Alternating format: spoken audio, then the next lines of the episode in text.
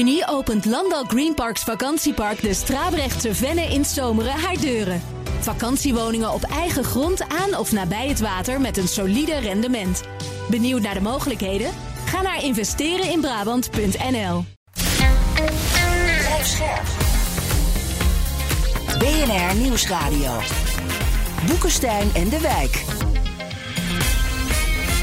Hugo Reitsma. Welkom bij Boekenstein en de Wijk. Het is vrijdag, dag 590 van de oorlog in Oekraïne. Wat is de stand van de strijd op het slagveld? Ja, een heel klein beetje vooruitgang bij Bakmoed. Een heel klein beetje vooruitgang eh, in die Zaporizhia Oblast, in het westelijke deel.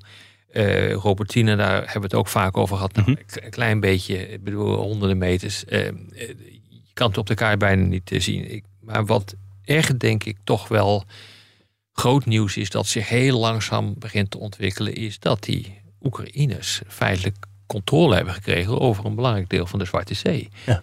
En uh, we hebben er eerder over gehad, maar we zien nu wat er gebeurt. Hè. Dus uh, uh, Rusland trekt toch een behoorlijk aantal oorlogsschepen terug uit de Krim. is in staat op dit ogenblik wel om een nieuwe basis te bouwen in Abhazie. Abhazie is gewoon bezet gebied door, door Rusland. Daar komt in, in Georgië? Ja, dat is een Georgisch dus dat is helemaal het oosten van, de... Oost, helemaal oostkust ja, van de Zwarte helemaal aan de andere kant van de Zwarte Zee uh, komt dan die haven. Uh, ja, dat heeft wel implicaties voor Rusland. Afgezien van het feit dat het een enorme vernedering is. Uh, die wordt uitgedeeld door een land die eigenlijk nauwelijks meer een functionele marine heeft. Hm. Maar feitelijk zijn die Oekraïners dus in staat geweest om die marine van Rusland. Ja, niet een kopje kleiner te maken, maar in ieder geval gewoon uit de wateren ja te, eh, te bonjouren. En wat je ziet is dat ze dat doen op eigenlijk op asymmetrische manier. Dus niet met een eigen marine, maar ze doen dat door zelf ontwikkelde onderwaterdrones, zeedrones. Uh, dat, die, dat, zijn dingen die kunnen worden bestuurd op afstand en volgens gepakt met, met explosieven. dat zijn, is een tamelijk goedkope oplossing. Die dingen kosten pakweg tussen de 10.000 en 100.000 dollar of euro, dat maakt ook elkaar niet meer zoveel uit. Uh, en die worden dan in zwermen worden ze op die Russische schepen afgestuurd. Uh, en ja, daar is weinig verdediging tegen mogelijk. En wat je dus nu al ziet, is, en dat vind ik wel een interessant gegeven, is dat je ziet dat die, die dreiging heeft ertoe geleid dat de Russen in een eerder stadium akkoord zijn gegaan met de graan deals. Mhm. Dat heb ik me zo nooit zo gerealiseerd. Dat er een directe relatie lag tussen deze dreiging voor de Russische schepen. Mhm. Dat blijkt nu toch zo te zijn. Ja, en Oekraïne is dus nu in staat om nieuwe routes te openen door de Zwarte Zee. Die redelijk onbedreigd uh, kunnen functioneren. Dus dit is echt wel heel bijzonder wat hier gebeurt. En van levensbelang voor, voor de Oekraïnse economie. Dat ze die zeker, zeker. Het heeft alleen op dit ogenblik niet zo gek veel eh, effect op de strijd op de grond. Eh, daar krijg je geen doorbraken, maar dat zou kunnen veranderen op het moment dat Oekraïne in staat is om met lange afstandssystemen ja, de Krim verder af te sluiten en de, de, de landroutes, de brugroutes af te sluiten over uh, naar de Krim toe. Dan, dan, dan, dan zou dat kunnen. Maar goed, jongens, zover zijn we nog niet. Dus de Russische onderzeeboten die zijn dus naar Novorossiysk gevlucht, als het ware. En we hebben dus Abhazie nu nog bij met een marinebasis.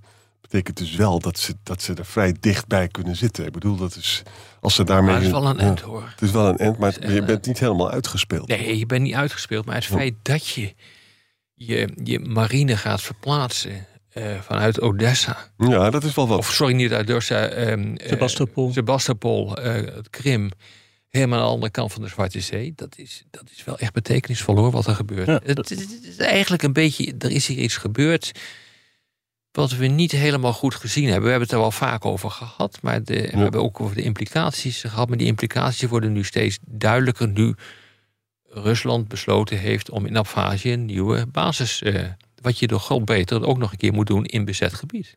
Ja. Betekent dus ook dat de bevoorrading van de Krim via schepen misschien dus nu minder goed gaat. En dat het dus allemaal over die Kerchbrug moet. Hè? Die nog een beetje intact is, toch? Dat kan nog wel. Mm -hmm. ja. Ja. En via de trein natuurlijk. Ja. Nou ja, goed. Het, nou ja, dat is dan waarom ik zeg van... Eh, de, de situatie voor de Krim wordt penibeler als ook die routes worden af, eh, afgesneden. Maar goed, ik bedoel, die, die e komen er dus niet. Je had ook gezien, Arend Jan, dat... Uh, dat Taurus-systeem van de Duitsers, dat ook een enorme terughoudendheid is, toch? Om die te Ja. leveren. En het verhaal is nog steeds daarover. Dat zegt Scholz zelf ook. Nee, ik- eigenlijk de voorzitter van de Duitse Defensiecommissie, hè, die mevrouw eh, Marie-Agnes Strack-Zimmermann. Hè, Hm. Dat is wel iemand die weet waar ze het over praat. Hè. De voorzitter van de Bundestag Defensiecommissie. En die zegt van ja, het is nog steeds niet duidelijk of Scholz die de ouders wel wil geven. Groenen willen het heel graag. FDP geloof ik ook wel, maar de, de, de CDU, CSU niet. Hè. En waar, waar, waar ze heel erg mee zitten is dat er is een ongelofelijke druk van de AFD. Hè, en die wordt steeds maar groter. En die zijn ongelooflijk tegen Oekraïne. Mm. Daar heeft eh, Scholz natuurlijk last van. Hè. En als hij die Taurus geeft, wordt dat tegen hem gebruikt. Hè. Het tweede is, eh, ze zijn ontzettend bang dat als die Taurus in stukken op de grond uiteenvatten, dan reverse engineering, dat de Russen precies weten hoe die raket werkt en dat ze daar iets op kunnen verzinnen. hè. Ja. Eh, het derde is, maar dat is niet echt een sterk argument, dat de Duitse troepen moeten eigenlijk mee om die Taurus te bedienen. Andere mensen zeggen van ja, maar ze, ze kunnen toch ook die NAVO-wapens eh, bedienen. Hè? Dus het is, het is nog steeds niet duidelijk of het echt eh, gaat gebeuren. Ik denk dat het nog steeds gekoppeld is aan wat Biden doet met Aan die. Ja, dat denk ik dus ook. Ik Ja. denk dat dat het belangrijkste argument is. De rest Ja. zijn technische problemen die je kunt oplossen. Volgens Ja. mij. Maar dit is het. En dat versterkt het argument wat we al vaker hebben gebruikt. Die e-tackums eh, die worden gezien als een onderdeel in de totale escalatie. Exact. En, En wat ik eh, interessant vind erop is dat in de New York Times dat westerse experts denken dat Biden uiteindelijk dit wel zal doen. Hè? En Amerika is stil. Amerika is helemaal Ja, ik denk dat wensdenken is. Ik denk dat de redenering gewoon klopt. Die we de afgelopen eh, weken, maanden hebben gevolgd. Dat die e-tackums gekoppeld zijn aan escalatie. Ja, ik zeg Ja. nu voor de tweede keer. Ja. Maar ik, ik, ik zie geen reden om, om daar nu anders over te gaan denken. Als we kijken naar raketten die wel op het slagveld zijn, dan weet Rusland daar weer feilloos belangrijke burgerdoelen mee te vinden. hè? Ja, met name dus gisteren was het natuurlijk dramatisch. Hè? Die aanval op eh, het dorpje Roza. Daar zitten we dus eh, 80 kilometer van Kharkiv af. Hè? Donderdag gebeurt. Het is een dorpje met 300 inwoners. En één op de zes is dus eh, overleden, om het zo maar te zeggen. Hè? Meer dan 50 doden, 52 doden, 6 gewonden. Die mensen waren bijeen bij een herdenkingsmaaltijd. Van, ja, en een Iskander-raket met een bet- betrekkelijk korte dracht heeft het allemaal gedaan. Dat was ongeveer een 40 kilometer van de frontlinie. En ze raakten dus een kruidenierswinkeltje en ook een café. En er zaten een heleboel mensen dus aan die maaltijd. En die zijn één op de zes van de inwoners. Hè.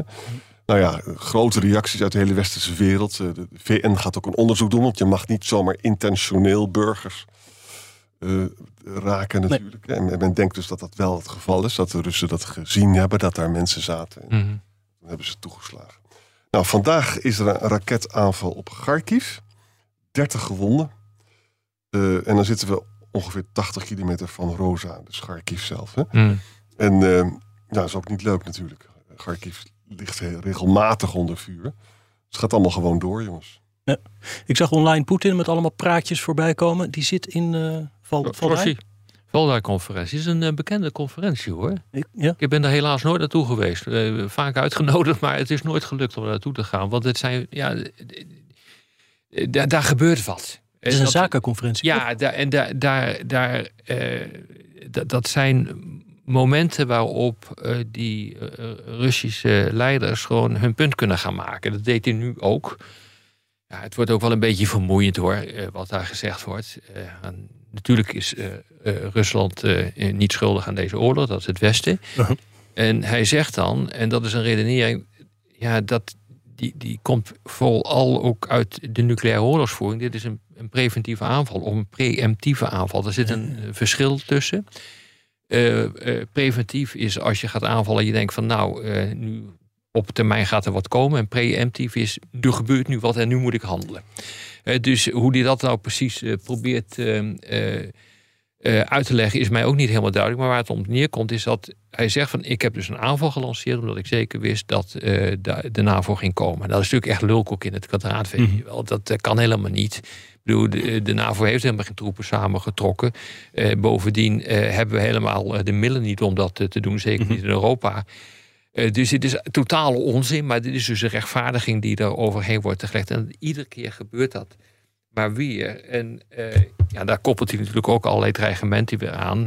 Namelijk dat die, we hebben eerder gesproken deze week over de mogelijkheid dat er een, eh, een test zou komen met een, eh, nucleaire kruisraket. Ja, dan had hij zegt, nou, dat is allemaal groot succes geworden. Ja, Ja. Dat zal allemaal wel. Ik heb hem eh, niet gezien. Maar ja, dan plaats je dat allemaal in de noodzaak om naar een multipolaire wereld eh, te komen. Dus je bent bezig om iets goeds te doen voor de, voor, de wereld met, deze, met deze oorlog. Namelijk het Westen een kopje kleiner maken en eh, ja, andere landen te kunnen verheffen in die multipolaire wereld die daar een, een grote rol in zouden kunnen spelen. Ja, het zal allemaal wel, maar het zijn belachelijke redeneringen. Ja, en wat Poetin ook deed, eh, er was zat er heel op een witte canapé, zo'n wit buffelleren canapé, zat hij glimlachend te Dat zeggen. is is, eh, Ja. weet ik uit eigen ervaring. Ja, ja. En hij zei dus van, nou, hij verwees naar de politieke chaos in het congres. Hè. Ja, Uh-huh. democratie, dat is toch allemaal niks. Hè. Kan natuurlijk makkelijk doen, want het is ook al chaos in Amerika. En hij zei ook voor Prigozhin, ja, weet je, die heeft, we hebben, eh, gisteren zei een veiligheidsman tegen me dat, we, dat er ook handgranaten gevonden zijn. Dus misschien heeft Prigozhin het wel gewoon zelf eh, die plug eruit getrokken. Uh-huh. En bovendien wil ik erop wijzen dat eh, er een heleboel kilo's eh, cocaïne zijn gevonden in het, eh, in het, in het Ja, dus bureau. dronken van, cocaïne Ja. en, dan handgena- en dan spelen met handgranaten aan boord van zo'n eh, vliegtuig. ik moet zeggen, ik vind het wel iedere keer weer dat hij zich overtreft in creativiteit. Hè? Dat hebben we natuurlijk ook met MH17 eh, gehad. Hebben Hmm. ook allerlei creatieve eh, ja, verklaringen voor werden gevonden van hoe dat nou kan dat dat vliegtuig is, eh, is, eh, is, Ja. neergestort. Ja, dat zien we dus nu ook weer. Ik bedoel, wat dat betreft is het wel ongelooflijk hoor. Het is een bewuste strategie van steeds weer een andere versie. Waardoor iedereen er murf van wordt. En in, Ja, ja, weet, weet je ja. überhaupt niet meer wat er gebeurd is. Ja. En dan laat maar zitten. Weet je wel? Dat ja, is- dat soort- Ja. Hoe staat het trouwens met de chaos in Amerika? Nou jongens, Over chaos gesproken. Ja. het is echt, ik heb, ik zit er, elke dag ga ik me ermee bezig. En eh, was trouwens een, eh, een CNN-poll, werd door Marjorie Taylor Greene vandaag aangehaald. Dat was overigens een poll van 4 augustus, vind ik nogal lang geleden, toch? Maar eh 55% van de Amerikanen, CNN-poll, hè, willen geen additionele steun aan de Oekraïne. Dus, dus die poll had ik gemist volgens mij. Of, of ik, ben, ik heb een seniorenmoment. Maar dat wordt dus nu aangehaald door Marjorie Taylor Greene. Nou, wat is er nu aan de hand? Ehm, ik zit me te richten op die senator Lindsey Graham. Hè, want dat is dus een senator. En de, en de Republikeinen in, het, in de Senaat zijn wat positiever over, dat, over zo'n steunpakket. Nou, hij heeft zitten opscheppen, dus is South Carolina, Republikeinse senator. Van, we moeten gewoon in de Senaat zelf een 60 tot 70 miljard pakket aannemen. En mind you, het Biden-pakket is maar 24 eh, miljard. Hè. Maar dat is allemaal grootspraak, wat Lindsey Graham allemaal doet. Want wat is er nou echt zaterdag gebeurd? Zaterdag in een closed meeting heeft die Senaat besloten om toch niet voor de voeten te lopen van die House-Republikeinen. En Zij hadden namelijk een voorstel ingediend waar wel de Oekraïne-steun in zat. Hè? Dat hebben ze dus teruggetrokken. Omdat ze bang waren als, als, als, als die Huis-Republikeinen voor de voeten zouden lopen. Ah. Ik word daar dus een beetje zenuwachtig van. Ja. Het, er zou nog steeds een deal mogelijk kunnen zijn. En dat moet dus een immigratiebeperking komen. En dan Oekraïne steun. Dat is wat ze steeds noemen. Dat Mitch McConnell, weet je wel, die oude mastodont... Hè, die af en toe een freeze moment heeft, zegt dat dan. Hè. Maar ook eh, Lindsey Graham eh, wil dat dan doen. Maar ik weet het niet hoor, jongens. Het is toch een... eh, Nou ja, wat er gebeurt, Arend Jan, is eh, je ziet dus een enorme discussie ontstaan van wie wordt nou de nieuwe Ja. voorzitter van het huis. ja, Dan wordt die Steve Scarlice eh, genoemd, die komt uit Louisiana. jongens, doodziek. Nou, in ieder geval, die is nog rechtser dan die McCartney. Die, Ja. McCarthy die, die is eruit is gegooid. Maar wat ik het meest opmerkelijk vind, is die Jim Jordan uit. Ohio. Die wordt nu door Trump zelf op het, Ja. op het, eh, eh, op het schild gehesen. En daarvan wordt gezegd van ja, kijk, dat is de oprichter ook van die oerconservatieve Freedom Caucus. Ja. Oh ja. super, super Trump, om het maar zo te zeggen. En ja, ik heb, ik heb het gevoel dat die het wel eens naar voren zou kunnen worden geschoven. Of hij het dan wordt is een tweede, maar naar voren worden geschoven als een nieuwe speaker van het huis. Maar dan gaat het toch, ja, Arend dan gaat het toch gewoon hetzelfde gebeuren als wat we eerder hebben gezien. Dat die ook Ja. weer worden uitgeflikt. Waar het op neerkomt is... Jordan is dus gewoon nog veel erger dan McCarthy. En die is tegen, mordicus tegen steun aan Oekraïne, net zoals Trump zelf. Hè. Eh, Scalise, die Steve Scalise, die is dus eh, die is voor steun Oekraïne. Maar die is hartstikke ziek, die heeft bloedkanker. Hij- Hij voelt zich heel goed, maar het, is- het lijkt me toch dat die man niet helemaal gezond is. Het is zeer de vraag of Scalise dat gaat redden. En als Jordan het gaat redden, dan hebben de Democraten dus verkeerd gegokt door mee te stemmen met deze motie van wantrouwen. Dan hebben ze een slechter iemand gekregen. Ja, ik blijf dat dus Mm. vreemd vinden. Dat Ja. mede door de Democraten die die McCarthy de, de laan uit is gestuurd. Ik vind, Heb jij er al een andere verklaring voor? Of is het nou gewoon... Zij denken dus echt dat dat electoraal de Democraten zal uitkomen. Want dan moeten namelijk de Republikeinen gaan uitleggen thuis. Dat zij dus eigenlijk die steun aan Oekraïne verknald hebben. Maar de ellende is, als je naar die polls kijkt. van de CNN, ik ook noemde.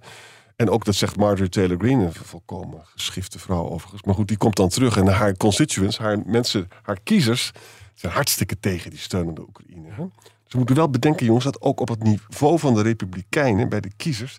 is dus meer dan de helft tegen. Het is dus vreselijk ingewikkeld, maar onder Ja. de streep is eigenlijk de onzekerheid over de Amerikaanse steun aan Oekraïne, waar we misschien voor vreesden voor eind 2024, richting de Amerikaanse presidentsverkiezingen. Ja. Die zien we nu al. Maar over problemen gesproken, moeten we het ook niet nog even hebben over de Europese politieke gemeenschap? Vandaag bijeen in Granada. Ja, en gisteren ook, daar is toen eh, begonnen.